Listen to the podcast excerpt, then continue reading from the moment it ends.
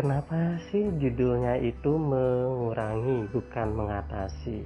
Ada beberapa hal filosofi yang mesti kita pahami. Satu, manusia baik ABK maupun non ABK, apa pun diagnosanya diciptakan sama Tuhan sudah satu paket. Dia ada kelebihan, ada kekurangan. Ada sifat positif ya. Ada juga yang negatif ada sifat yang terpuji, ada juga sifat yang tercela.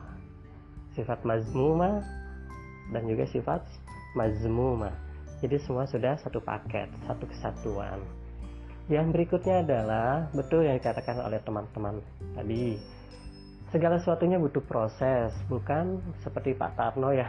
Simsalabim, abrakadabra, jadi apa? Jadi semua butuh proses, butuh waktu jadi bukan yang langsung tring hilang, tring berubah dan seterusnya.